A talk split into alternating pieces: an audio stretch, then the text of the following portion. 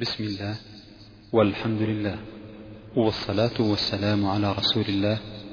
أيها الإخوة في الله يسر إخوانكم في تسجيلات الراية الإسلامية بالرياض أن يقدموا لكم دروس الشيخ عبد الكريم بن عبد الله الخضير والتي ألقيت بجامع العز بن عبد السلام بمدينة الرياض وذلك في مقارنة بين شروح كتب السنة الستة. نسأله تعالى أن ينفع المسلمين بهذا الشرح وأن يجزي الشيخ خير الجزاء. والآن نترككم مع مادة هذا الشريط. الرحمن الرحيم. الحمد لله رب العالمين. وصلى الله وسلم وبارك على نبينا محمد وعلى آله وصحبه أجمعين. أما بعد فنرحب بالشيخ عبد الكريم بن عبد الله الخضير حفظه الله تعالى في بداية هذه الدورة. ولا شك ولا ريب ولا يخفى على الجميع ما لكتب السنة من أهمية بالغة وما لشروحها من أهمية كذلك. وفي دورتنا هذه المباركة والتي سوف تقام بإذن الله تعالى خلال ستة أيام سوف يعرض شيخنا حفظه الله تعالى فروقا بين شروح كتب السنة, السنة, السنة الستة. يبين من خلالها ما بين هذه الكتب من فروق في الشروح وفي التبويب وفيما سوى ذلك. وسوف تعرض بإذن الله تعالى الأسئلة على فضيلة الشيخ في بداية كل درس. فليتفضل فضيلته مشكورا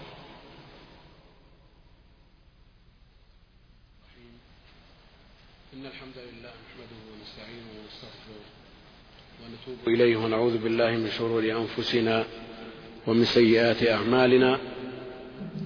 من يهده الله فلا مضل له ومن يضلل فلا هادي له. وأشهد أن لا إله إلا الله وحده لا شريك له. وأشهد أن محمدا عبده ورسوله وخيرته من خلقه وأمينه على وحيه. صلى الله عليه وعلى آله وصحبه وسلم تسليما كثيرا. أما بعد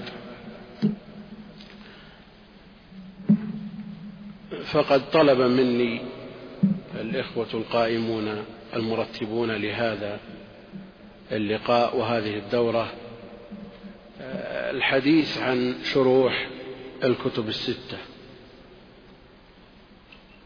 والمراد بالكتب الستة كما هو معلوم صحيح البخاري صحيح مسلم سنن أبي داود وسنن الترمذي وسنن النسائي والخلاف في السابع في السادس معروف. فمنهم من جعل السادس موطأ الإمام مالك رحمه الله تعالى.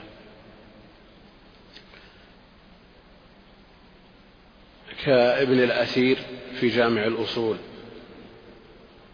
ورزين العبدري في تجريد الأصول.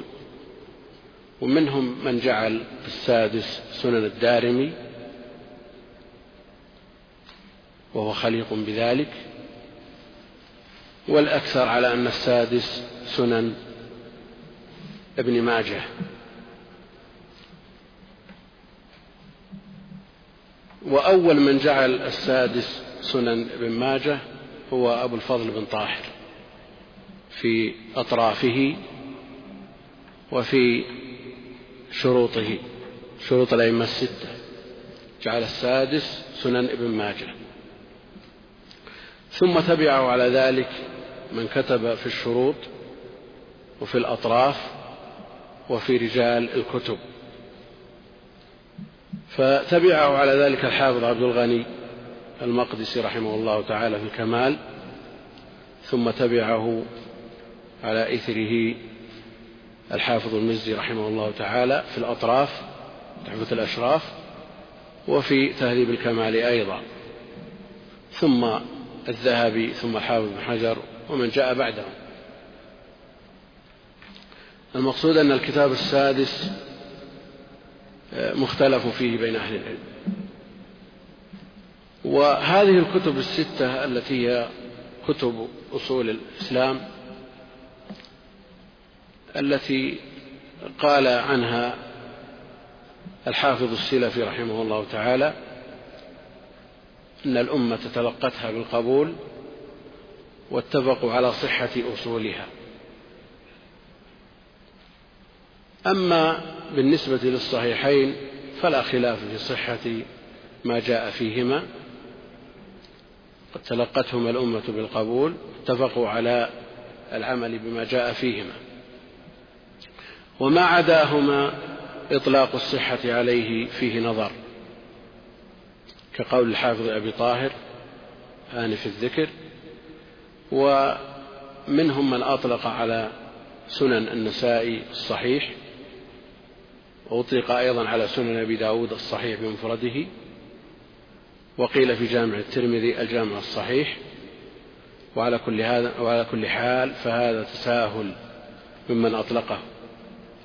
ولهذا يقول الحافظ العراقي رحمه الله تعالى ومن عليها أطلق الصحيح فقد أتى تساهلا صريحا. لا شك أن إطلاق الصحيح على ما عدا الصحيحين فيه تساهل لأن فيها الصحيح والحسن والضعيف. ومثله أيضا إطلاق الحسن عليها. كاصطلاح البغوي في مصابيح السنة حيث قسم الكتاب إلى قسمين إلى الصحاح والحسان. يرى أن الصحاح ما رواه الشيخان والحسان ما رواه أهل السنن. وهذا الكلام لا شك أنه مردود لأن في السنن غير الصحيح غير الحسن من الصحيح والضعيف. ولهذا يقول الحافظ العراقي رحمه الله تعالى والبغوي إذ قسم المصابح إلى الصحاح والحسان جانحا أن الحسان ما رووه في السنن رد عليه إذ بها غير الحسن. كتب الأربعة فيها غير الحسن. فيها الصحيح وهو كثير وفيها الحسن وهو كثير جدا أيضا وهي من مظانه. وفيها أيضا الضعيف.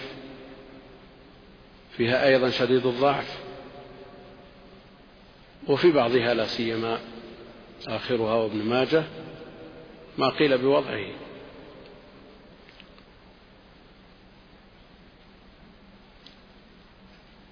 قد يقول قائل لماذا لم يجعل الأئمة مسند الإمام أحمد رحمه الله تعالى في الكتب الستة. لا سيما وأن شرط الإمام أحمد في مسنده قوي جدا. لا يقل عن شرط أبي داود إن لم يكن أعلى منه وأرفع كما يقول شيخ الإسلام ابن تيمية وكما هو واقع الكتاب.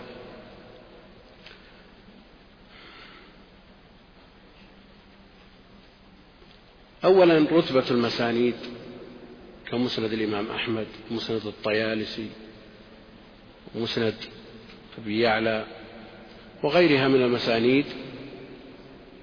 اصطلح الأئمة على جعلها في المرتبة دون السنن. والسبب في ذلكم أن المؤلف في السنن يترجم بأحكام شرعية. فيقول في الترجمة باب وجوب كذا باب تحريم كذا باب ما جاء في الرخصة بكذا إلى آخره. فالذي يترجم بحكم شرعي والأحكام إنما يتطلب فيها أقوى ما يجده الإنسان. لا شك أنه سوف ينتقي أقوى ما عنده من المرويات. بخلاف من يترجم باسم راو من الرواة صحابي من الصحابة كما يفعله أصحاب المسانيد فيترجم باسم أبي بكر أو باسم عمر رضي الله عنهما أو بغيرهما من الصحابة ثم يسوق ما وقف عليه من مرويات هذا الصحابي. وحينئذ لا يلزمه الانتقاء لأنه لا يستدل بما رواه على حكم شرعي كما يصنعه صاحب السنة بل يثبت ما وصل إليه من الأحاديث من طريق ذلك الصحابي. ولذا يقول الحافظ العراقي رحمه الله تعالى ودونها في رتبة يعني دون السنن. ودونها في رتبة ما جعل على المسانيد فيدعى الجفنة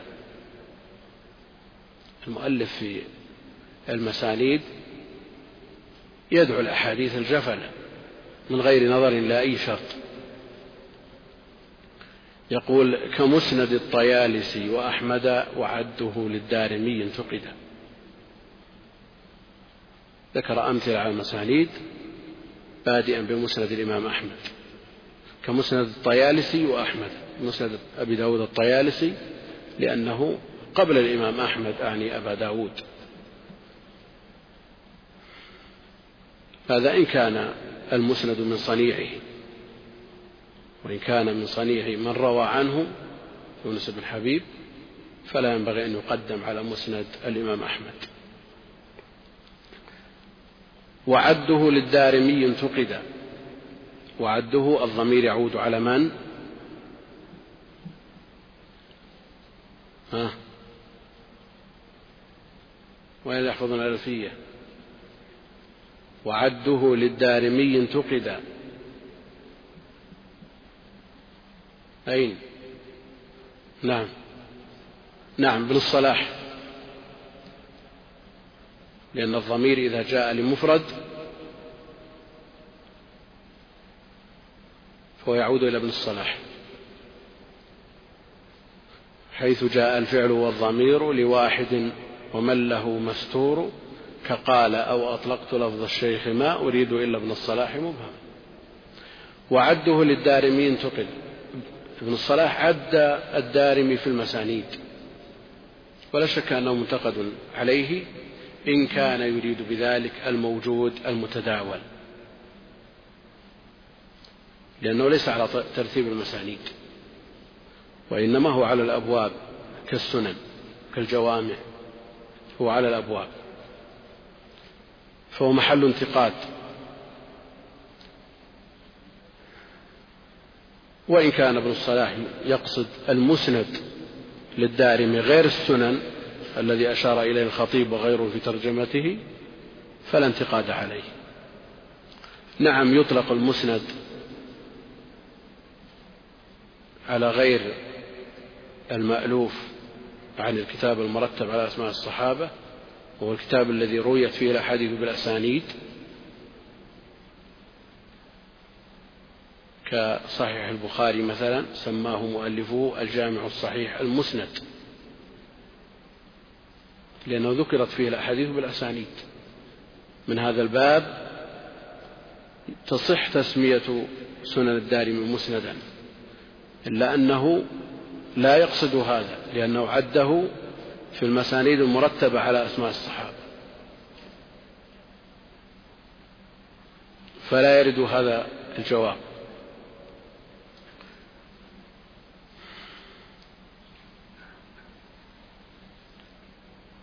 أول هذه الكتب وأعلاها وأغلاها وأصح ما جمعه البشر على الإطلاق أصح كتاب بعد كتاب الله سبحانه وتعالى صحيح الإمام أبي عبد الله محمد بن إسماعيل البخاري.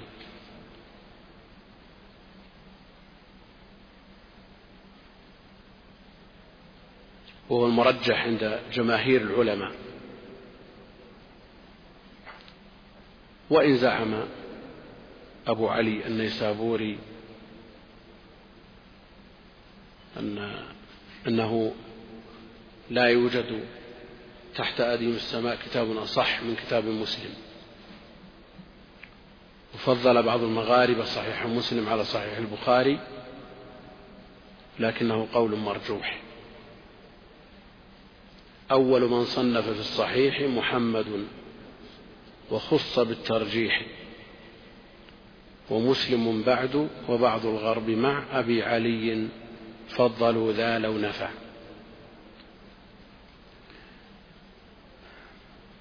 إذا تقرر هذا فأول هذه الكتب الستة صحيح الإمام أبي عبد الله محمد بن إسماعيل البخاري وهو مقدم على غيره من الكتب.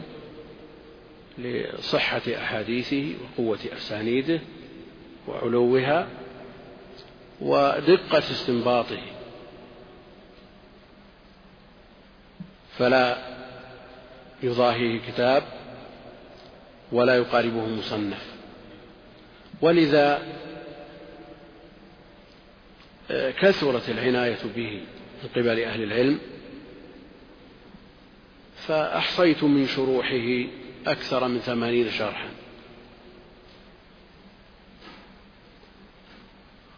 والذي فاتني من ذلك أضعاف والعلم عند الله سبحانه وتعالى. وهو حري بذلك وجدير وخليق به. ولا غرو أن تهتم الأمة بسنة نبيها عليه الصلاة والسلام لأنها هي المصدر الثاني من مصادر التشريع بعد القرآن الكريم.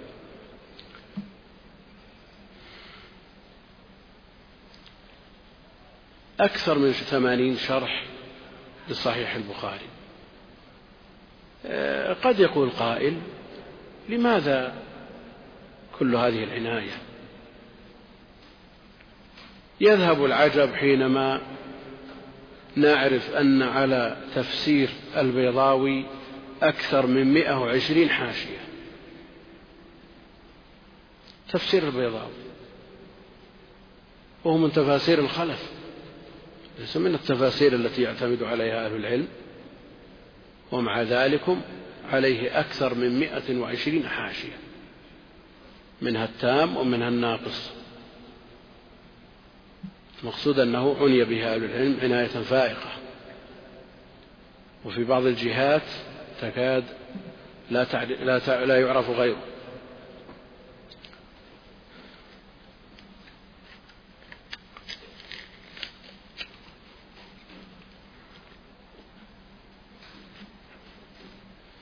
نذكر هنا أشهر الشروح على صحيح الإمام البخاري.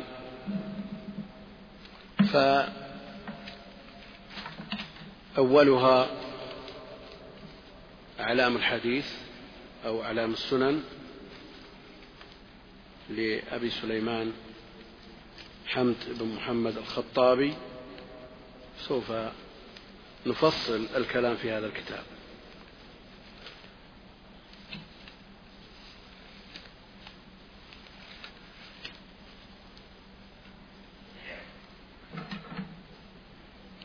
من الشروح أيضا شرح أبي جعفر أحمد بن سعيد الداودي هذا شرح معروف متداول ينقل عنه أهل العلم كثيرا. وأيضا شرح المهلب بن أبي صفرة ينقل عنه الشراح كالحافظ والعيني قسطلاني وغيرهم. وشرح أبي الحسن علي بن خلف المالكي المعروف بابن بطال شرح أبي الحفص عمر بن الحسن بن عمر الأشبيلي شرح أبي القاسم أحمد بن عمر التيمي. قال القسطلاني وهذا واسع جدا. وشرح عبد الواحد بن التين الصفاقسي ولزين بن لزين الدين بن المنير شرح ينقل عنه الشراح ووصف بأنه في نحو عشر مجلدات. وشرح قطب الدين عبد الكريم الحلبي وشرح مغلطاي التركي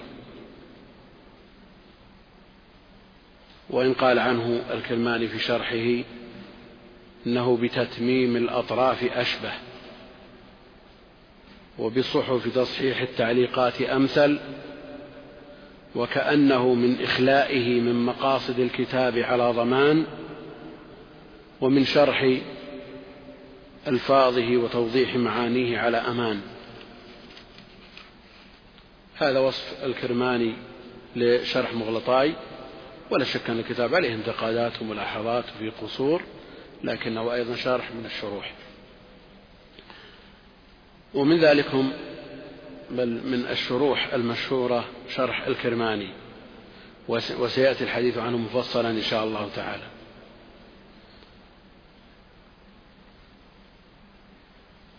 وشرح سراج الدين ابن الملقن وشرح شمس الدين البرماوي وهذا هذا الشرح غالبه مأخوذ من الكرماني ومقدمة فتح الباري. شرح برهان الدين الحلبي اسمه التلقيح لفهم قارئ الجامع الصحيح وشرح الحافظ شهاب الدين أحمد بن علي بن حجر المشهور في فتح بفتح الباري وهو معروف. يأتي تفصيل القول فيه إن شاء الله تعالى. وشرح بدر الدين محمود بن أحمد العيني المسمى عمدة القاري ونذكره إن شاء الله تعالى بعد ذلك. شرح مواضع منه بدر الدين الزركشي شرحه أيضا بدر الدين الدماميني ولجلال الدين السيوطي تعليق لطيف اسمه التوشيح على الجامع الصحيح. السيوطي له حواشي على الكتب الستة وهي مختصرة جدا. البخاري في مجلد مسلم في مجلد آه، إلى آخر الكتب الستة. شروح مختصرة جدا آه، يغني عنها غيرها. وهي أيضا وهذه الشروح المختصرة مختصرة. اختصرها أحد المغاربة. وهذه المختصرات للكتب الستة كلها مطبوعة. النووي رحمه الله تعالى شرح قطعة من الصحيح من أوله إلى آخر كتاب الإيمان وكذلك الحافظ ابن كثير رحمه الله تعالى شرح قطعة من أوله أيضا. وللحافظ زين الدين بن رجب الحنبلي شرح من أول الكتاب إلى الجنائز في كتاب أسماه فتح الباري. موافق أو ابن حجر موافق له لأن ابن رجب متقدم عليه كما سيأتي. وممن شرحه مجد الدين الفيروز أبادي صاحب القاموس. سمى شرحه منح الباري في شرح البخاري. كمل ربع العبادات منه في عشرين مجلدا. وعلى هذا لو كمل يمكن يصير خمسين أو ستين مجلدا. قال التقي الفاسي لكنه يعني الفيروز أبادي ملأه بغرائب المنقولات لا سيما لما اشتهر باليمن مقالة ابن عربي يعني في وحدة الوجود القول بوحدة الوجود.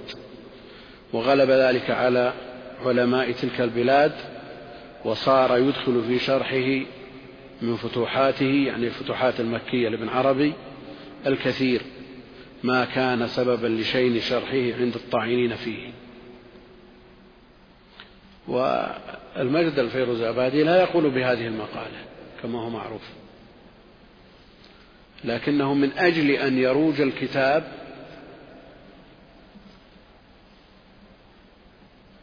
نقل عن ابن عربي هذه المقالة وشان كتابه بما نقله من الفصوص والفتوحات من أجل رواج الكتاب لأن هذه المقالة اشتهرت وانتشرت في اليمن آه، اعتنقها كثير من الناس. كما يفعله من يصنف في أي بلاد من البلدان التي اشتهر فيها مذهب من المذاهب من أجل أن يروج الكتاب يذكر ما لا يراه. المذاهب التي لا يعتد بها في الإجماع والخلاف مثل مذاهب الشيعة والزيدية منهم الهادوية كتب الصنعاني والشوكاني وغيرهم من أهل تلك النواحي مملوءة بهذه المذاهب وإن كان لا يعتد بأربابها وأصحابها. لكن لما كان غالب سكان اليمن في زمن الصنعاني من الهادوية شهر أقوالهم وذكرها من أجل أن يروج الكتاب. وقد يكون الأمر بالعكس.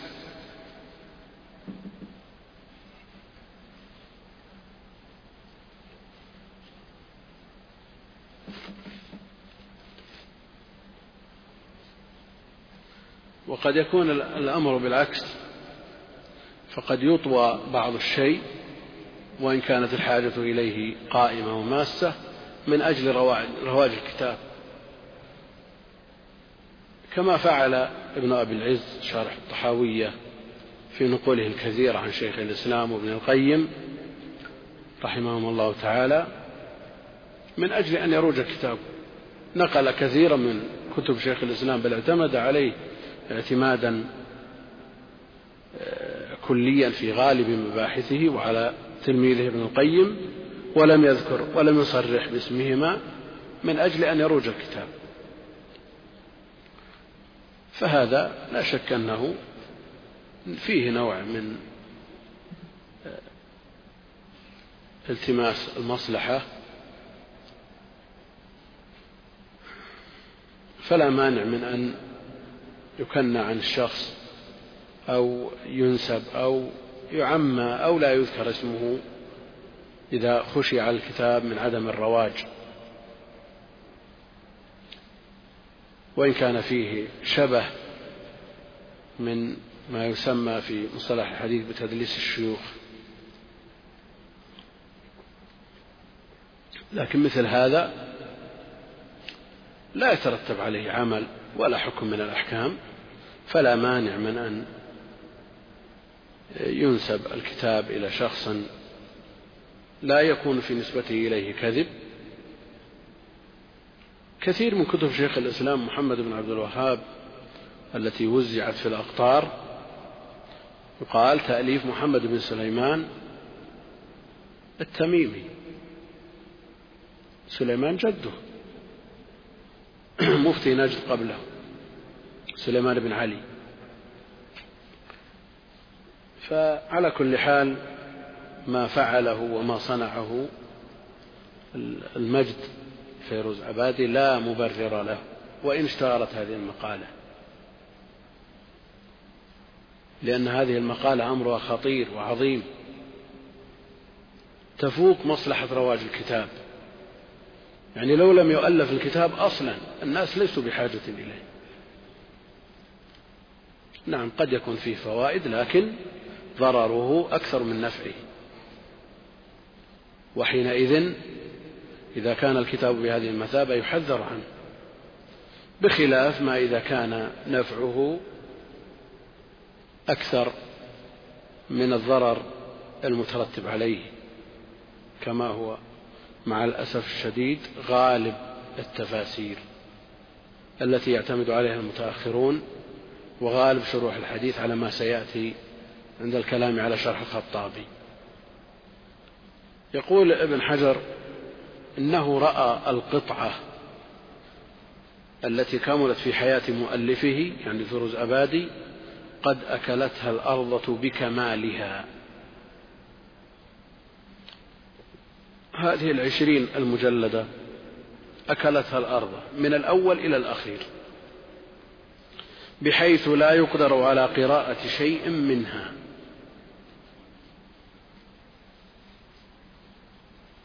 فلله الحمد والمنة. كلتها الأرض وانتهى الإشكال. ممن شرح الصحيح زكريا الأنصاري شرحه مطبوع.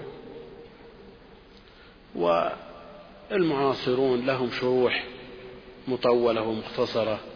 من ذلكم لامع الدراري للشيخ رشيد أحمد الكنكوهي. هذا هندي وأيضا فيض الباري لمحمد أنور الكشميري.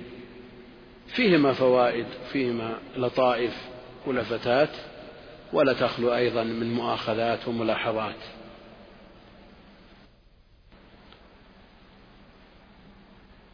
فيض الباري هذا نور الكشميري وصف الشيخ محمد بن عبد الوهاب بما لا يليق به. وعلى كل حال الشروح كثيرة واستقصاؤها قد يكون فيه شيء من الطول والوقت قصير وكانت النية أن يخصص كل يوم لكتاب لشروح كتاب لكن ظاهر أن هذا غير متيسر لأن شروح البخاري كثيرة ومهمة فيها نفائس وفوائد لا يستغنى عنها. وسوف نتكلم على ستة منها فقط. الخطابي الكرماني ابن رجب ابن حجر العيني القسطلاني. وكل واحد من هذه الكتب يحتاج إلى مدة طويلة لإظهار فضله استخراج كنوزه ونفائسه.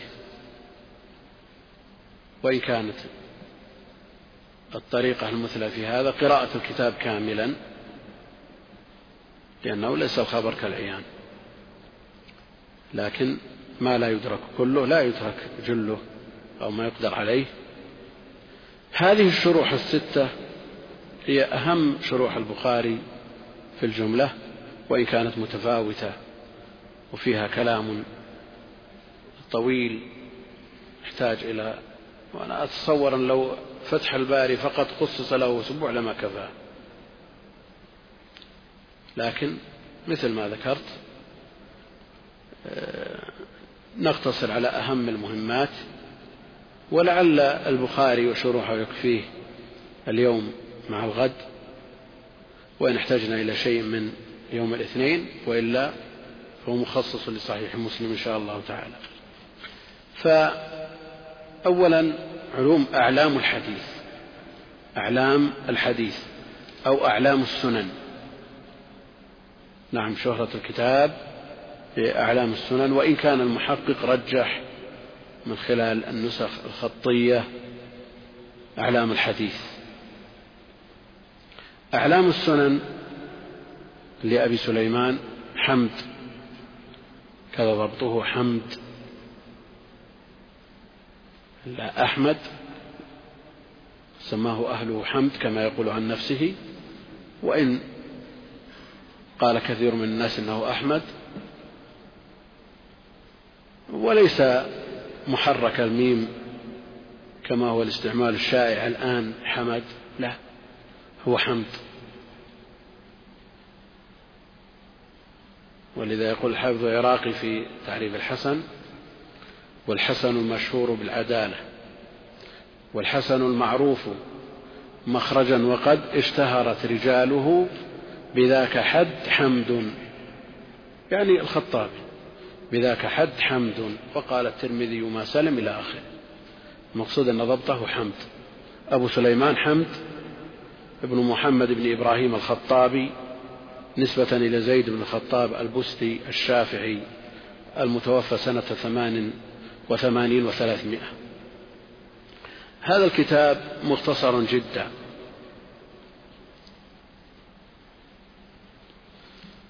يقول عنه القسطلاني هو شرح لطيف فيه نكت لطيفة ولطائف شريفة. واعتنى الإمام محمد التيمي بشرح ما لم يذكره الخطابي مع التنبيه على أوهامه.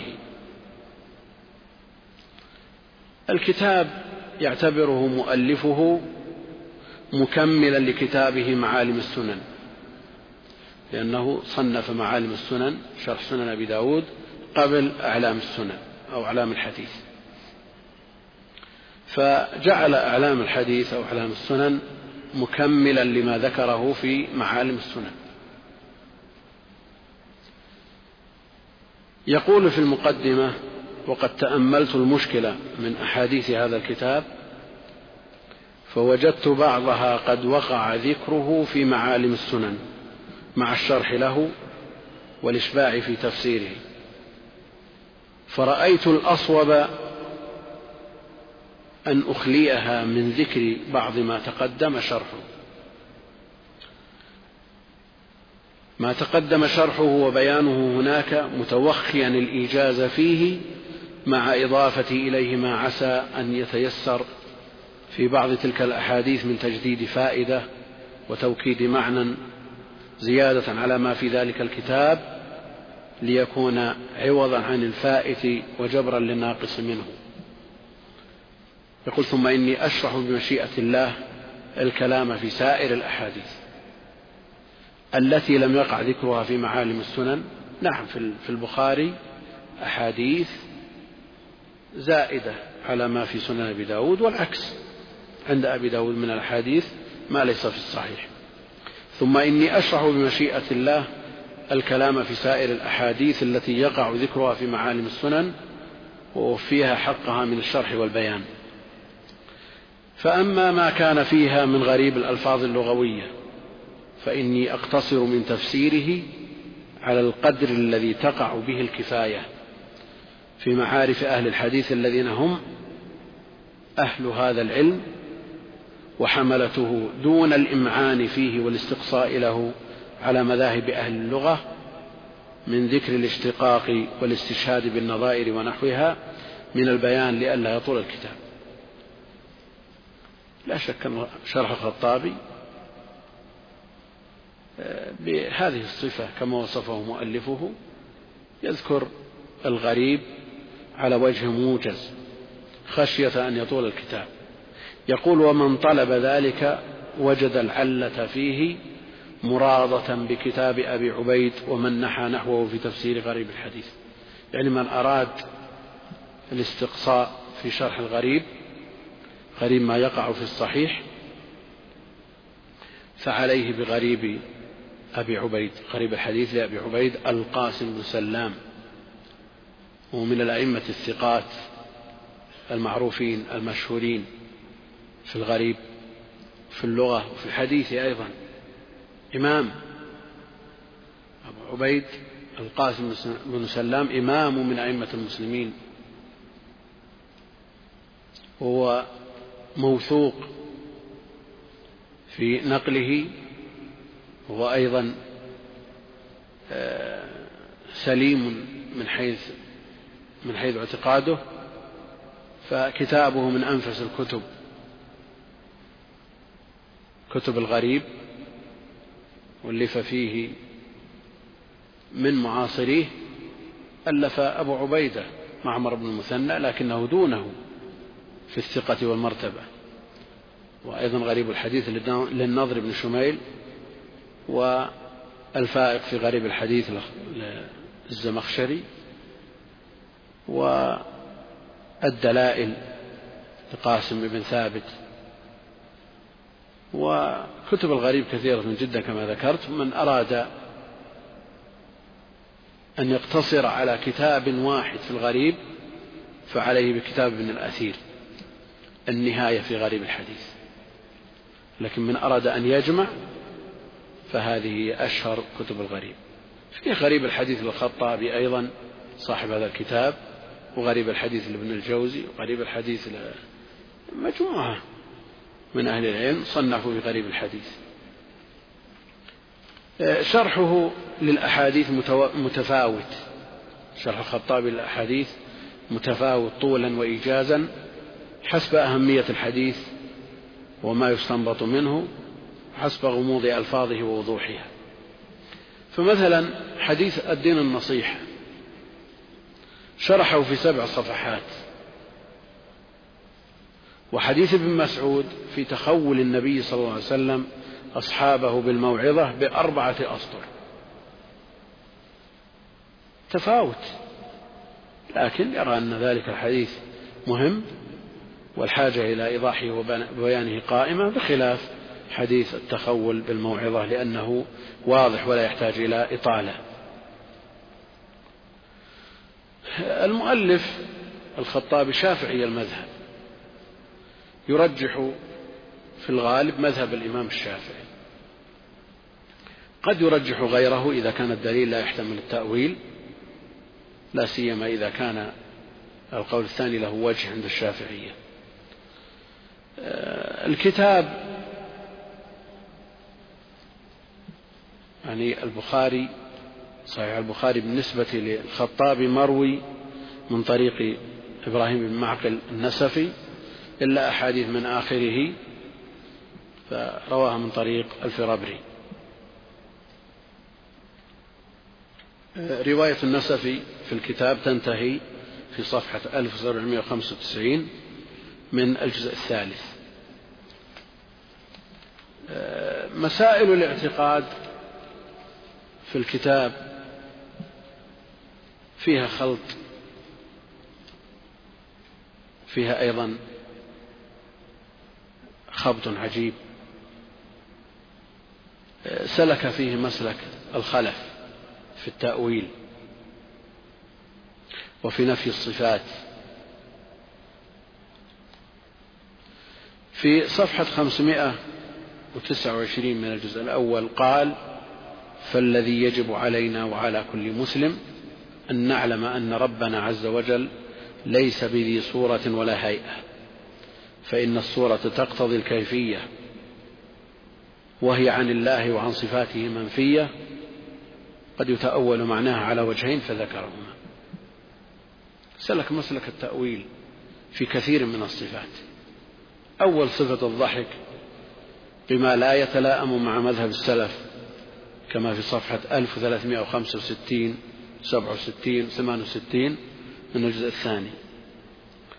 وفي الجزء الثالث قرر أن الأسماء والصفات لا تثبت وضع قاعدة. قرر أن الأسماء والصفات لا تثبت إلا بكتاب ناطق. لا بد أن يكون دليلها من القرآن أو خبر مقطوع بصحته. فإن لم يكون فيما يثبت من أخبار الآحاد المستندة إلى أصل فإن لم يكون يعني إن لم يكن نص من القرآن أو من الخبر المقطوع بصحته ويقصد بذلك المتواتر يقول إن لم يوجد من القرآن أو من المتواتر فبما يثبت من أخبار الآحاد المستندة إلى أصل في الكتاب أو في السنة المقطوع بصحتها أو بموافقة معانيها. يعني أن الأسماء والصفات لا تثبت إلا بالنصوص القطعية ويقصد بذلك الآيات والأحاديث المتواترة. أما أحاديث الآحاد وأخبار الآحاد وهي عنده لا تفيد إلا الظن فلا تثبت بها العقائد ومنها الأسماء والصفات. يقول وما كان بخلاف ذلك فالتوقف عن عن إطلاق الاسم به هو الواجب. ويتأول حينئذ على ما يليق بمعاني الأصول.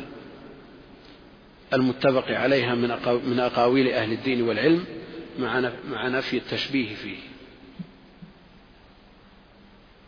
يقول هذا هو الأصل الذي نبني عليه الكلام ونعتمده في هذا الباب.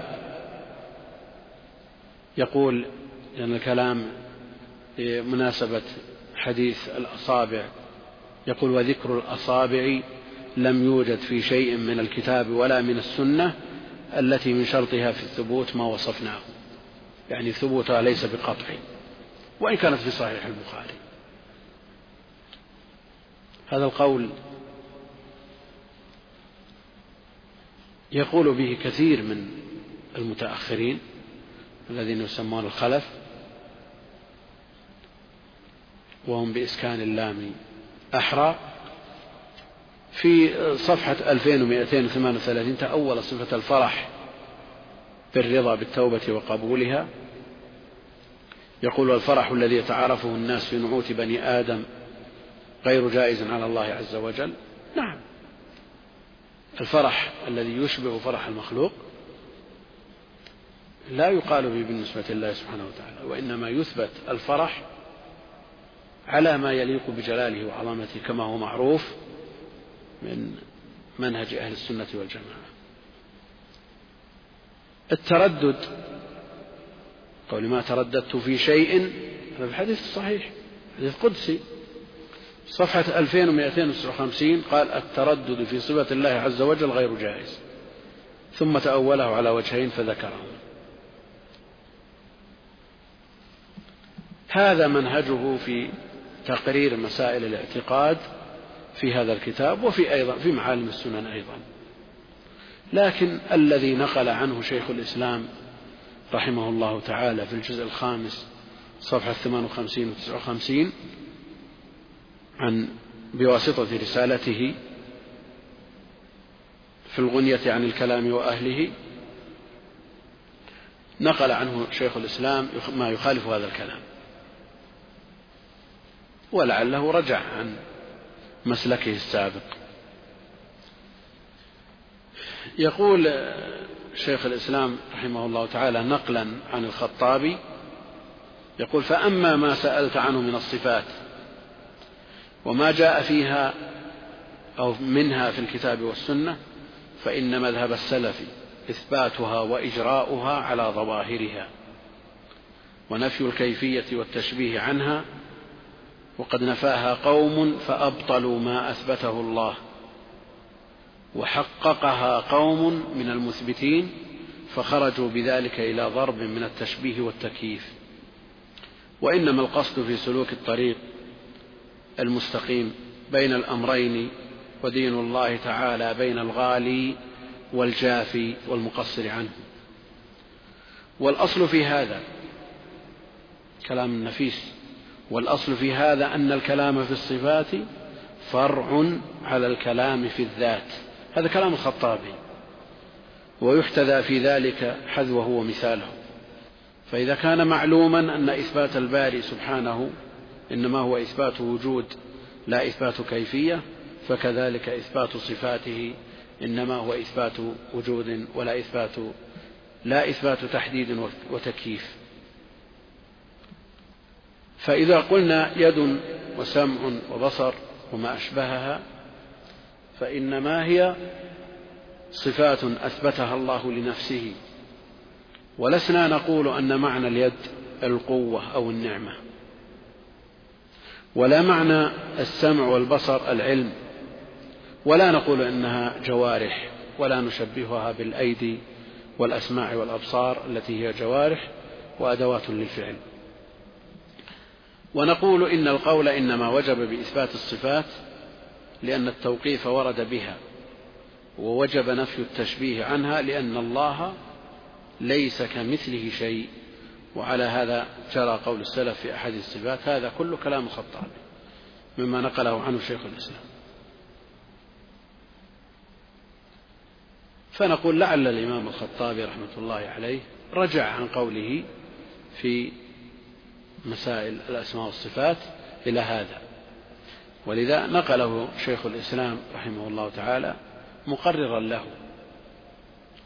ولا يخفى عليه رحمه الله ما سطره في كتبه الأخرى.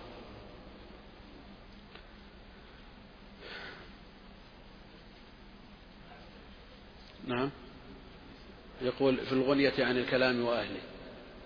كتاب اسمه الغنية عن الكلام وأهله للخطابي ما أعرف وجوده. أقول مثل هذا الكلام الذي نقلناه عن الخطابي في الأسماء والصفات والتأويل هو موجود مع الأسف الشديد في غالب الشروح. إذ لا يسلم منها إلا القليل النادر.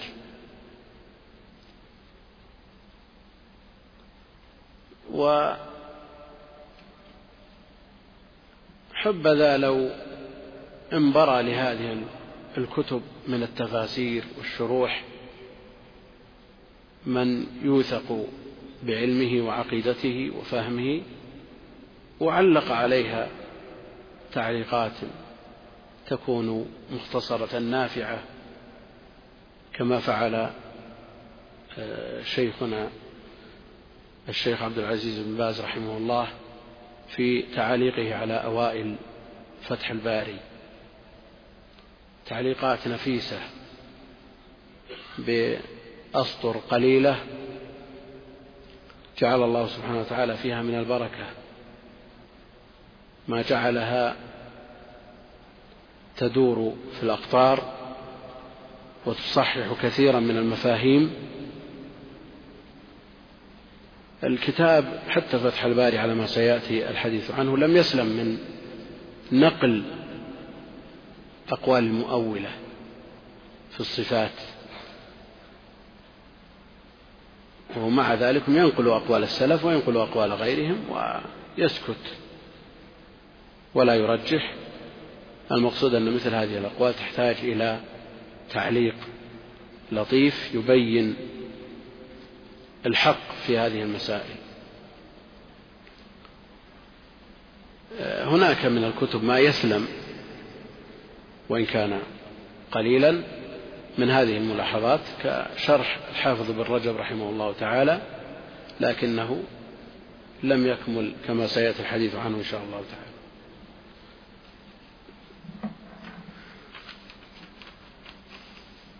نظرا لضيق الوقت نعرض بسرعة للقطعة التي شرحها النووي من الصحيح.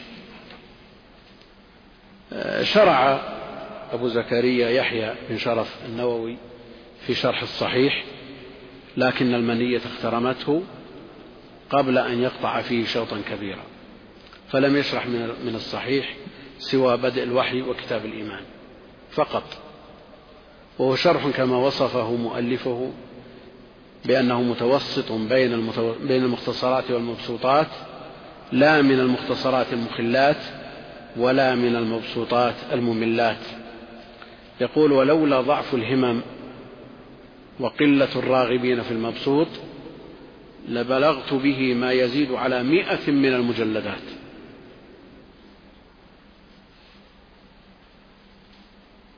الكلام صحيح. العمر ينتهي. قبل أن يقرأ الإنسان الشروح التي كتبت على الصحيح فضلا عن أن ينتقي منها ما يراه مناسبا ويستطرد في الشرح ويذكر كل ما يحتاج إليه من فوائد البخاري. يقول ولولا ضعف الهمم وقلة ولولا ضعف الهمم وقلة الراغبين في المبسوط لبلغت به ما يزيد على مئة من المجلدات. مع اجتناب التكرير والزيادات العاطلات بل ذلك لكثرة فوائده وعظم عوائده الخفيات والبارزات. ابتدأ النووي رحمه الله تعالى شرحه بمقدمة ذكر فيها أهمية علم الحديث ومنزلة الإمام البخاري وصحيحه أو وصحيحه ورواته وذكر فيها أيضا سبب تصنيفه ثم ذكر فهرسا لكتب الصحيح وعدد أحاديث كل كتاب. ثم ذكر فصلا عن ابن الفضل بن طاهر في طبقات من روى عنهم البخاري. ثم ذكر أسانيده إلى الإمام البخاري ثم أشار إلى بعض المسائل الاصطلاحية. يعني ذكر طبقات من روى عنهم الإمام البخاري مهم جدا. حينما تعرف أن الإمام البخاري رحمه الله تعالى روى عن المكي بن إبراهيم بدون واسطة. وهذا غالب الثلاثيات من طريقه. ثلاثيات الصحيح من طريق المكي بن إبراهيم عن يزيد بن أبي عبيد عن سلمة بن الأكوع. أعلى ما في الصحيح. حينما تنظر في الصحيح تجد البخاري روى عن المكي بن إبراهيم بدون واسطة. تجده في موضع آخر روى عن المكي بن إبراهيم بواسطة ثلاثة أشخاص. فإذا عرفت طبقات الرواة آه، سلمت من توهم سقوط راو أو أكثر حينما يروي عن مثل هذا عن مثل المكي بن إبراهيم بدون واسطة ويروي عنه في مواضع بواسطة. فعلمك بهذه الطبقات يجنبك مثل هذا الوهم. ختم المقدمة بضبط جملة من الأسماء المتكررة في الصحيحين من المشتبه. يمتاز شرح النووي رحمه الله تعالى بالإطالة في تراجم الرواة. ترجم لرواة الأحاديث ويطيل فيها إطالة نسبية بالنسبة إلى الشروح الأخرى فيذكر سيرهم وما يستحسن ويستطرف من أخبارهم. ولا شك أن في هذا فائدة للقارئ وتنشيط لهمته والأخبار في الجملة محببة إلى النفوس فيكون فيها متعة واستجمام من جهة. لكن هذه الإطالة في تراجم الرواة صارت على حساب معاني الأحاديث وما يستنبط منه من أحكام وآداب وفوائد. فمثلا الحديث الرابع. استغرق عند النووي صفحات جلها في تراجم الرواة. من ستة وستين إلى صفحة سبعين. من الشرح من ستة وستين إلى سبعين. بدأ بشرح الحديث الرابع. ترجم ابن عباس بصفحة ونصف أو بعد سعيد بن جبير بصفحة إلى آخره. ثم في منتصف صفحة سبعين منتصف الصفحة الأخيرة فصل في معنى الحديث قول ابن عباس رضي الله عنهما إلى آخره. منتصف الصفحة الأخيرة هو بيت القصيد. نعم تراجم الرواة مهمة لكنها في مثل هذا الكتاب الذي التزم مؤلفه الصحة وانتقى من الرواة أعلاهم ومن رواياتهم أثبتها تكون فائدة التراجم أقل لأن للتراجم كتب مستقلة. لكن بيت القصيد معاني الحديث ألفاظه وما يستنبط منه من أحكام وآداب النووي رحمه الله تعالى قصر في هذا الجانب. شرحه لذيذ وممتع لكنه في هذا الجانب فيه قصور ووصفه بأنه شرح مختصر والنووي كما يلاحظ من كتبه يعتني بالتراجم لا سيما بتراجم من عرف بالزهد والعبادة. فيذكر تراجم هؤلاء بإسهاب ويذكر من أخبارهم ما يستلذ ويستطاب تنشيطا لهمم القراء وإشادة وإيفاء لبعض حقوق هؤلاء لأنه هو رحمه الله من هذا النوع صاحب علم وأيضا عبادة وزهد وورع هو مشهور بذلك وبهذا يكون الوقت. تمت الساعة المتفق عليها والله أعلم وصلى الله وسلم وبارك على نبينا محمد وعلى آله وصحبه أجمعين. العالمين وصلى الله وسلم وبارك على نبينا محمد وعلى آله وصحبه أجمعين. أما بعد الأسئلة المطلوب الإجابة عليها كثيرة لكن نقتصر منها على ما له صلة بموضوع هذه الدروس.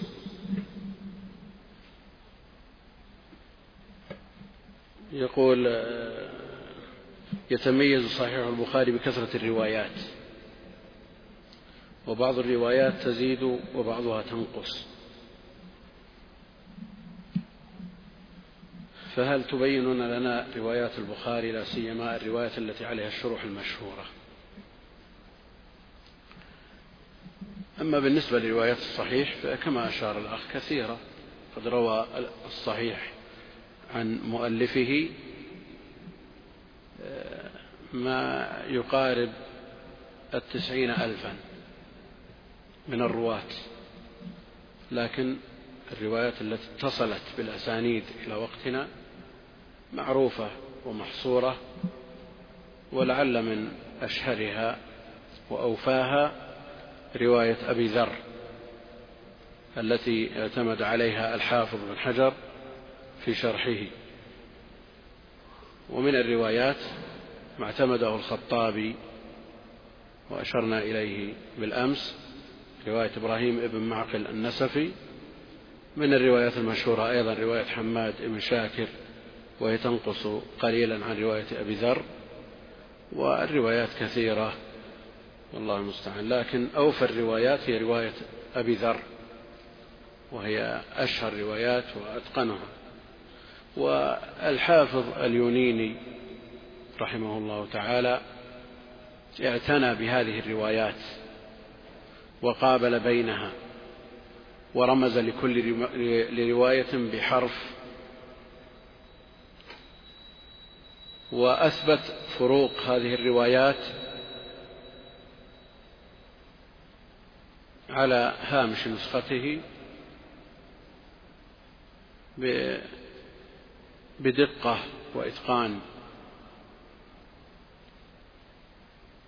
ومن أراد صورة ما كتبه اليونيني وأتقنه وحرره وهذا الكلام سابق لأوانه فعليه بإرشاد الساري القسطلاني الذي يعتني بذكر جميع الفروق سواء ترتب على هذه الفروق فائدة أو لم يترتب عليها شيء.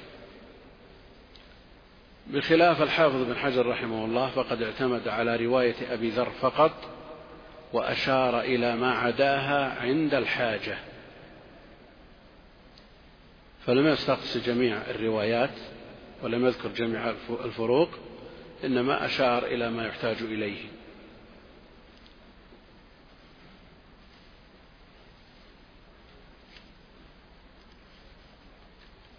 يقول أسماء الطبعات جيدة والمحققة لكتب الشروح حيث لا يخفى عليكم انتشار الكتب التجارية.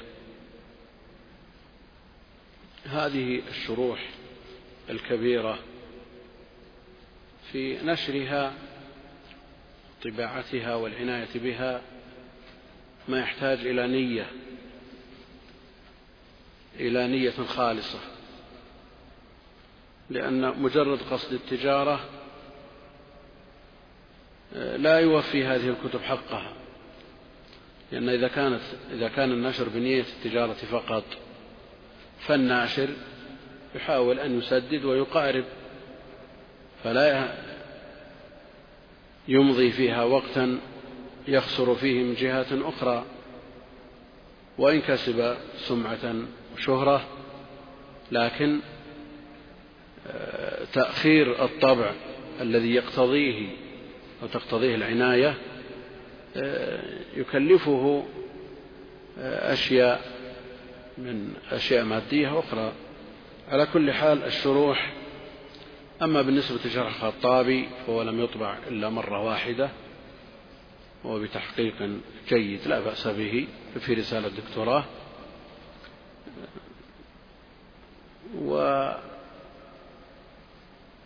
وشرح النووي.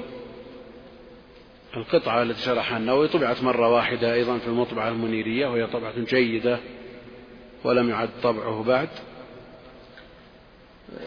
بعد ذلكم الشروح التي يتحدث عنها فيما بعد تذكر طبعاتها أثناء الحديث عنها. شيخ الإسلام رحمه الله تعالى نقل عن الخطاب ما ذكرناه عنه في كتاب الغنية عن الكلام وأهله في مجموع الفتاوى في الجزء السادس صفحة تسعة وخمسين وستين أو ثمانية وخمسين وتسعة وخمسين. في هذا الحدود.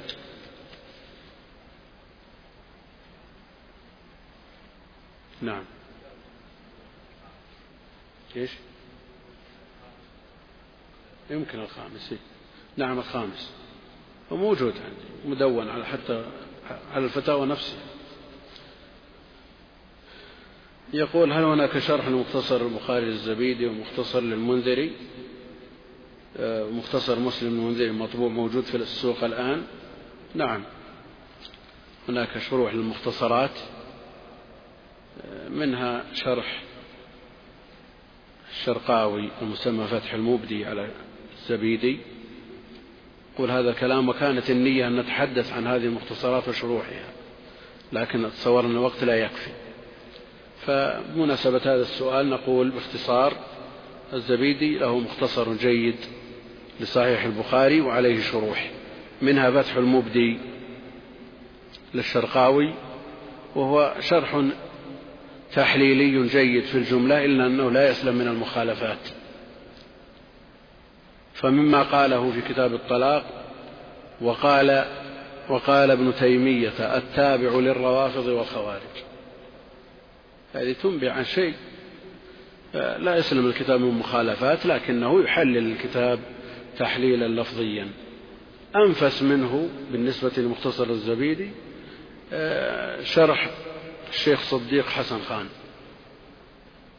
واسمه عون الباري.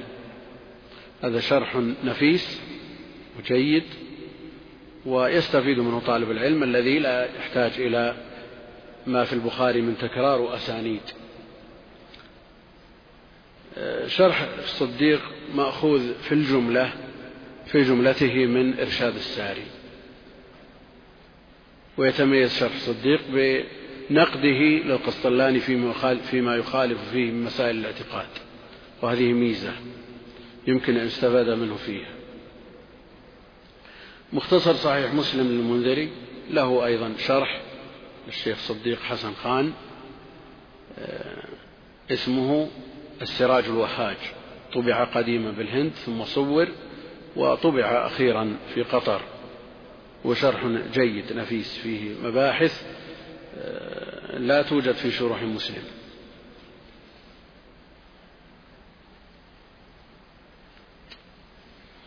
يقول عندما يريد الطالب المبتدئ في دراسة شروح الكتب الستة فما هي الكتب التي تراها مناسبة لدراستها؟ سواء من شروح البخاري أو غيره من الكتب الستة. حقيقة شرح الكرماني الذي نتحدث عنه الآن مناسب للبداية إلا أنه لكثرة المخالفات فيه سواء كانت ما يتعلق بالكتاب نفسه المشروح أو في المسائل الحديثية عموما أو في مسائل الاعتقاد لا ينبغي للمبتدئ أن يقرأ فيه. لكن طالب العلم المتوسط ينصح به. لكن أولى ما يبدأ به بالنسبة لصحيح البخاري شرح الحافظ ابن رجب رحمه الله تعالى. أما البدء في بفتح الباري فتح الباري كما قال السائل بحر لا ساحل له صحيح. والحديث عنه طويل ولعل نبدأ عن الحديث عنه في نهاية الدرس إن أمكن. الفتح بحر كما قيل وله مختصرات سيأتي ذكرها إن شاء الله تعالى لكن ما يمنع أن يستفاد منه يراجع عند الحاجة. أما بداءة طالب العلم المبتدئ فيه فلا أراها لأنه كتاب طويل وفيه مباحث قد يصعب عليه فهمها. فلا يؤمن أن يترك الطالب.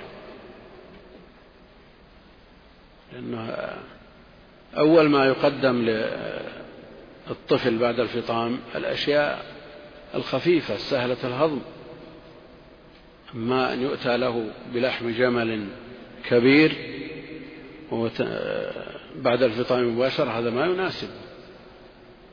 فتح الباري في كتاب نفيس ومملوء بالفوائد ومشحون بالفرائد في جميع الفنون إلا أنه بالنسبة للصغار آه، قد يحملهم على ترك القراءة. فالطالب في بداية الأمر ينبغي أن يبدأ بالأسهل فالأسهل آه، ثم يترقى بعد ذلك. يبدأ بالأسهل ثم يترقى فلو قرأ قبل فتح الباري بشرح النووي على مسلم على ما سيأتي الحديث عنه إن شاء الله تعالى مع ما فيه من المخالفات إلا أنه شرح نفيس لا يستغني عنه طالب العلم.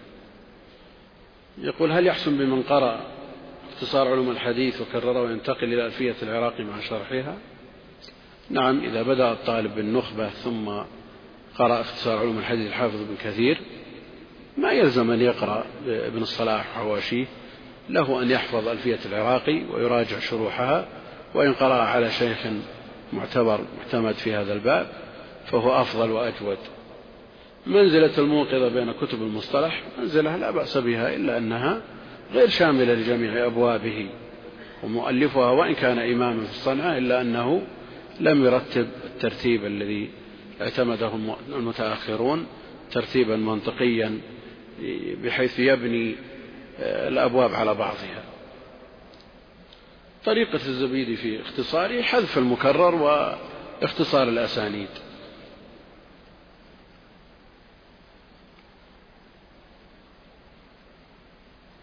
يقول هل من الأفضل بالنسبة للمبتدئ أن يقرأ في كتاب الجمع بين الصحيحين للشامي قبل البدء بالقراءة في الصحيحين نفسيهما؟ لا. إذا قرأ المتون وتدرج فيها قرأ الأربعين ثم العمدة ثم البلوغ وقرأها قراءة بحث وتنقيب وحفظها إن أمكن ترقى إلى الأصول مباشرة يبدأ في في البخاري ثم مسلم. وأما كون هذه الكتب فيها المكرر وفيها الأسانيد هذه هي زينتها. لا شك أن التكرار مما يعين على الحفظ يعين على الاستنباط لأن في كل طريق في بعض الطرق ما ليس في بعض ما يعين على فهمه لأن بعض أحيانا الإمام البخاري يختصر الحديث في موضع بحيث يستغلق على القارئ فإذا اطلع عليه في الموضع الآخر والثاني والثالث إلى آخر المواضع ينجلي له. فالأفضل أن يقرأ في الأصول. والأسئلة ما تنتهي. أنا اقتراحي يقول لو يبدأ الدرس في الساعة الرابعة والنصف مثلا يقدم نصف ساعة على كل حال اقتراح جيد.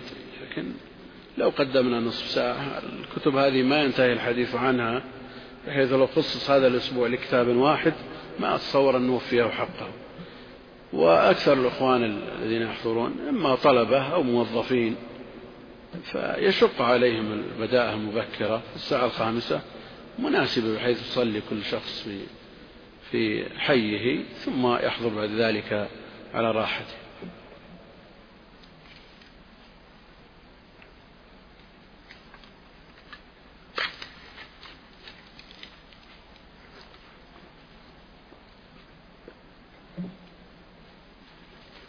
بعد هذا نبدأ الشرح الثالث. هو شرح الزركشي. شرح الزركشي اسمه التنقيح لألفاظ الجامع الصحيح. مؤلفه الشيخ محمد بن عبد الله بدر الدين الزركشي الشافعي المتوفى سنة 94 و700 الشرح ناقص لم يكمل.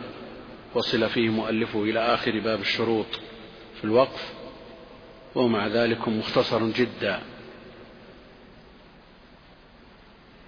هذا نصف الشرح. ثلاث أجزاء في مجلد واحد نصف الشرح. ولولا أن المتن مطبوع بحرف كبير لجاء الشرح كله بهذا الحجم. قصد مؤلفه فيه كما ذكر في مقدمته إلى إيضاح ما وقع في الصحيح من لفظ غريب أو إعراب غامض أو نسب عويص أو راو يخشى في اسمه التصحيف أو خبر ناقص تعلم تتمته أو مبهم أو مبهم آه، تعلم حقيقته أو أمر وهم فيه أو كلام مستغلق يمكن تلافيه. أو تبيين مطابقة الحديث للتبويب ومشاكلته على وجه التقريب. يقول منتخبا من الأقوال أصحها وأحسنها ومن المعاني أوضحها وأبينها مع إيجاز العبارة والرمز بالإشارة. فإن الإكثار داعية الملال وذلك لما رأيت من ناشئة العصر حين قرأته من التقليد للنسخ المصححة ربما لا يوقفون لحقيقة اللفظ فضلا عن معناه وربما يتخرص خواصهم فيه ويتبجح بما يظنه ويبديه.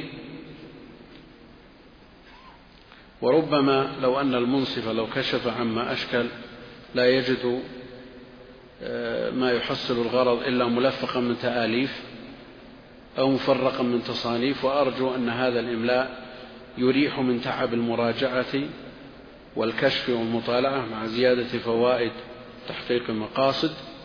ثم يقول ويكاد يستغني به اللبيب عن الشروح لأن أكثر الحديث ظاهر لا يحتاج إلى بيان وإنما يشرح ما يشكل.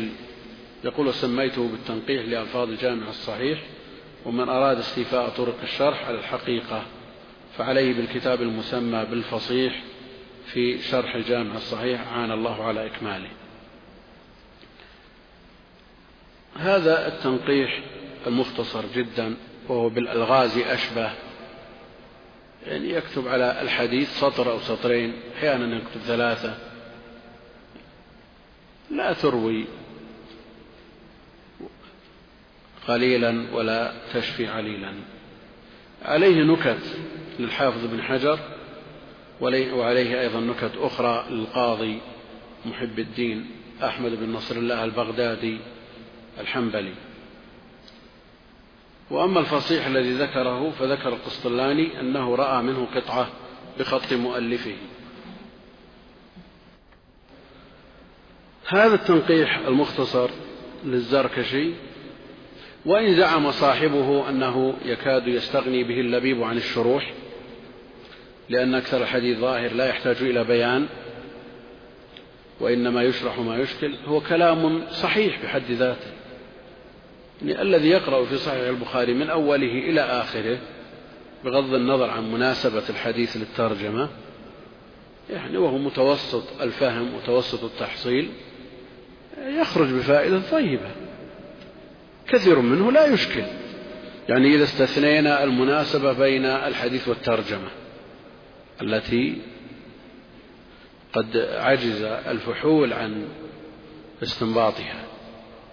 إذا استثنينا الرابط بين الحديث والترجمة وبعض الألفاظ المشكلة. الطالب طالب علم متوسط التحصيل متوسط الذكاء يخرج بفائدة كبيرة بمجرد قراءة المتن. هذا الكلام صحيح لكن الشروح المطولة التي يرى الشارح هذا أنه يمكن أن يستغنى بكتابه عنها. الوافية لا يمكن أن يستغني عنها طالب العلم أبدا. لأنها تولد فيه ملكة يتمكن بواسطتها من محاكاة العلماء في الاستنباط من النصوص وكيفية معالجتها. من جميع من جميع النواحي. وبهذا يتفتق ذهن الطالب تجتمع له العلوم في كتاب واحد.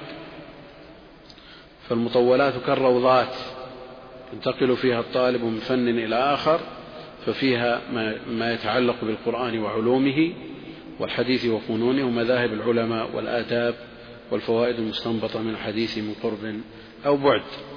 على كل الشروح المطولة لا يمكن أن يستغنى عنها. وكم من حديث بحث عنه في عشرة شروح ولم يصل الباحث فيه إلى حل يشفي. وكم من آية روجع عليها والقرآن بأفصح عبارة وأوضح بيان روجع على بعض الآيات التفاسير الكثيرة ومع ذلك يبقى الإشكال وإن كان الإشكال نسبيا بين شخص إلى آخر. فالمطولات سواء كانت من كتب التفسير أو الشروح لا يمكن أن يستغنى عنها بحال. من الشروح المهمة فتح الباري شرح صحيح البخاري.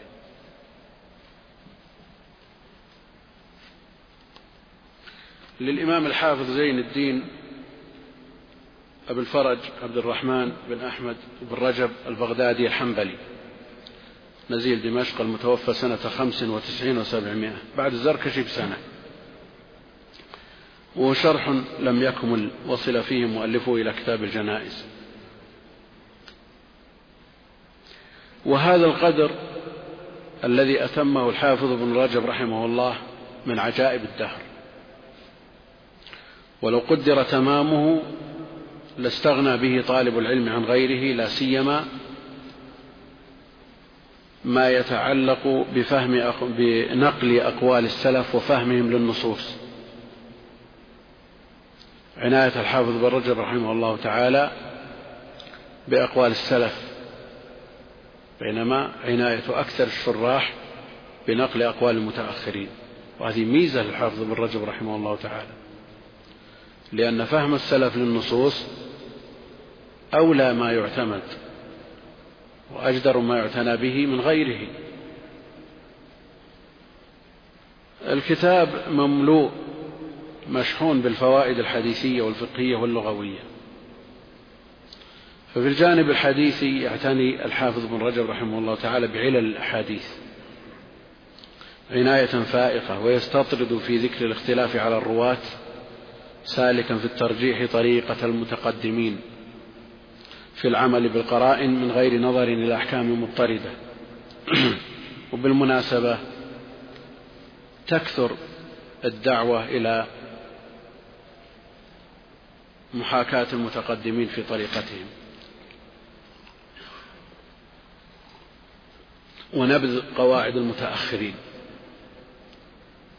كثرت الدعوة هذه وسبقتها بسنين الدعوة إلى نبذ كتب الفقه تقليد الأئمة إلى الأخذ من النصوص مباشرة. هذا الكلام صحيح لا إشكال فيه إلا أنه لا ينبغي أن يلقى على جميع طبقات المتعلمين لأن المبتدئ في العلم سواء كان في علم الحديث أو في الفقه المبتدئ حكمه حكم العامي. عليه أن يقلد أهل العلم. اسألوا أهل الذكر إن كنتم لا تعلمون. فالذي ليست لديه أهلية النظر في النصوص والموازنة بينها لا يمكن أن أن يستنبط من الكتاب والسنة. إنما عليه أن يقلد أهل العلم. يتفقه على مذهب ثم بعد ذلك ينظر في هذه المسائل التي آه، حصلها من هذه من هذا المذهب ينظر فيها واحدة بعد الأخرى موازنة بين أقوال الأئمة وأدلتهم خلوص إلى الراجح من أقوالهم. مثله أيضا ما يتعلق بالأحاديث من حيث التصحيح والتضعيف الأصل في هذا كلام المتقدمين بلا شك. والمتأخرون إنما قبسوا من أنوار المتقدمين. فلولا المتقدمون ما صار للمتأخرين شيء. إنما المتأخرون حاولوا أن يضبطوا القواعد وينظروا المسائل ليسهل فهمها وحفظها على الطلبة ليتعلموا ويتمرنوا عليها. فإذا تأهلوا وصارت لديهم أهلية النظر في أقوال المتقدمين آه، عليهم أن يقتدوا بهم ويسلكوا مسلكهم. وإلا إذا قلنا للطالب المبتدئ عليك بتقليد المتقدمين وانبذ قواعد المتأخرين. ثم وقف على حديث لا نكاح إلا بولي. الإمام أحمد له رأي الإمام البخاري له رأي أبو حاتم له رأي الدار قطني له رأي. يقلد من من المتقدمين؟ يتبع من من المتقدمين؟ أحكام المتقدمين مبنية على القرائن. لا يحكمون بأحكام عامة مضطردة الإمام البخاري حكم بوصل حديث لا نكاح إلا بولي بناء على القرائن التي قامت وأدت إلى ترجيح الوصل على الإرسال. غير حكم بالإرسال لأن من أرسله كما يقول الحافظ العراقي كالجبل شعبه سفيان. متى يصل الطالب المبتدئ إلى الحكم بالقرائن؟ هذا دونه خرط القتال حتى يتأهل إذا تأهل هو المطلوب. يعني تقليد الرجال في الدين أمر يعني غير مرغوب فيه. يعني نعم هو فرض العوام وأشباه العوام لكن طالب العلم المتأهل عليه أن يربى بنفسه عن هذا. على كل هذه لفتة يسيرة.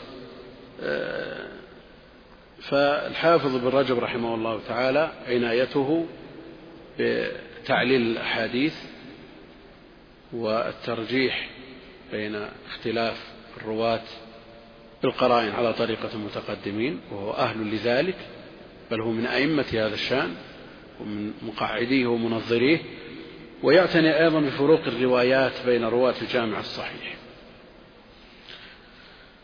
وينبه عليها.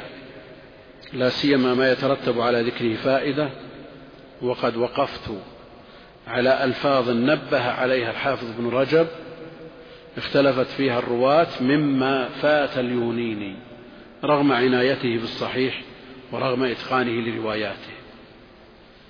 وبهذا يمتاز شرح الحافظ بن رجب رحمه الله تعالى. يعنى الحافظ بن رجب رحمه الله تعالى بتخريج الأحاديث من المصادر الحديثية المختلفة الصحاح والمسانيد والأجزاء والفوائد والمعاجم والمستخرجات والمشيخات والفوائد وغيرها.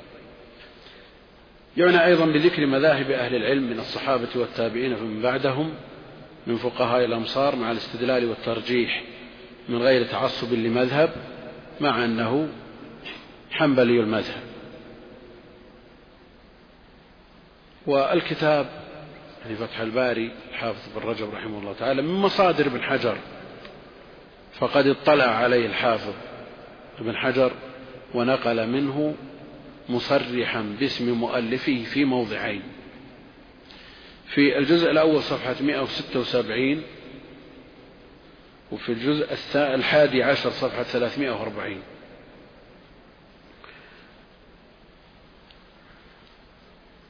الحافظ ابن رجب رحمه الله تعالى يعتني بالمسائل الأصولية كثيرا ويحرر في المسائل الشائكة في هذا الباب. فمثلا في الجزء الثاني صفحة تسعة وستين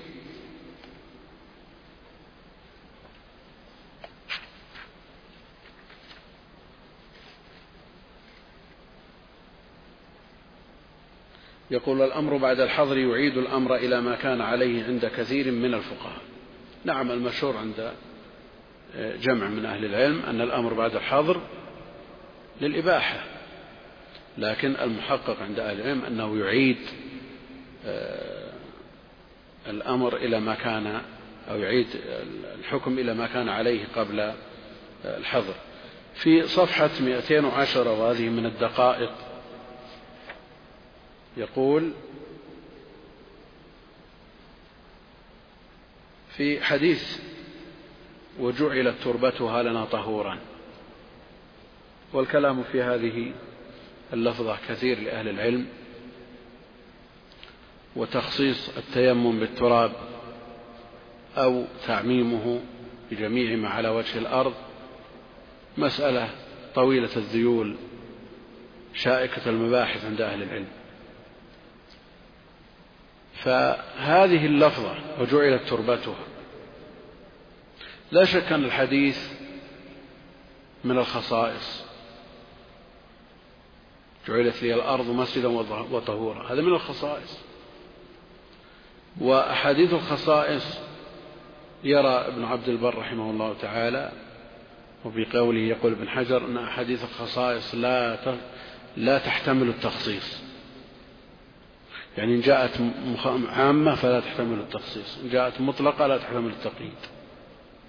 لأن هذه الخصائص إنما جاءت تشريفا للنبي عليه الصلاة والسلام.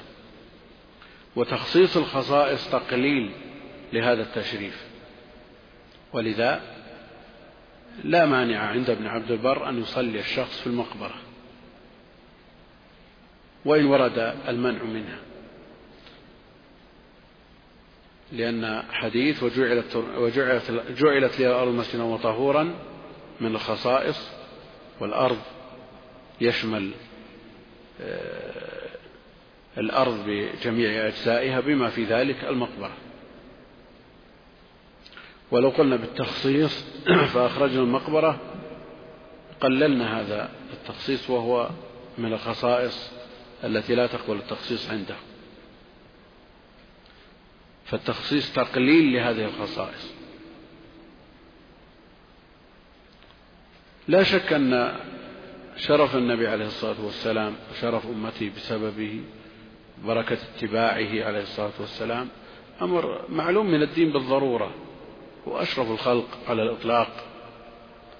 لكن نعم إذا تعارض حقه عليه الصلاة والسلام مع حق غيره قدم حقه عليه الصلاة والسلام. لكن إذا تعارض حقه عليه الصلاة والسلام مع حق الله سبحانه وتعالى لا شك أن المقدم هو حق الله سبحانه وتعالى. والمنع من الصلاة في المقبرة حماية لجناب التوحيد فهو من حق الله سبحانه وتعالى. وعلى هذا يكون التخصيص هو الوجيه في مثل هذه المسألة. يقول رحمه الله تعالى في هذه اللفظة جعلت تربتها وقد ظن بعضهم أن هذا من باب المطلق والمقيد.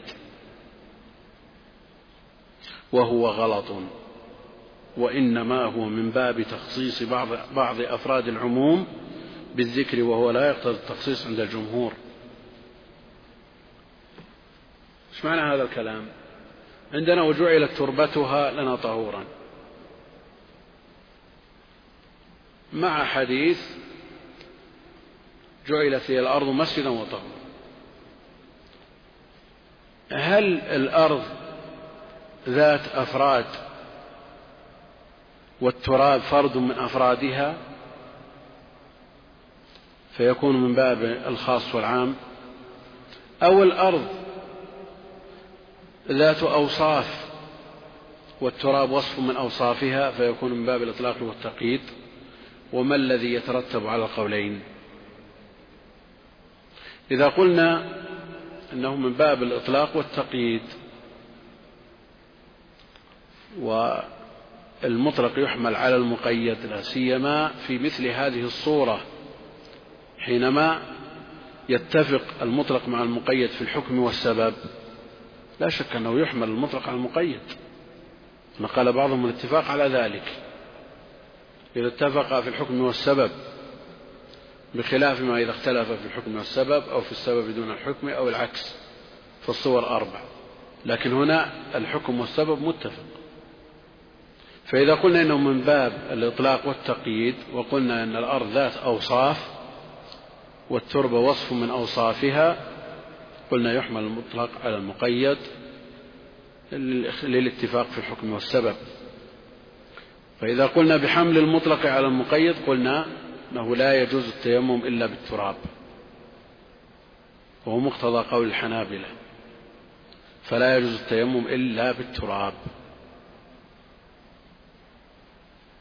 وإذا قلنا إن الأرض ذات أفراد والتراب فرد من أفرادها قلنا إنه من باب الخاص والعام. قد يقول قائل الخاص مقدم على العام فيكون مثل التقييد والإطلاق. نقول لا. الخاص إذا ذكر بحكم مخالف لحكم العام يخصص به العام. لكن إذا كان الخاص مذكورا بحكم موافق لحكم العام فإنه حينئذ لا يخصص به.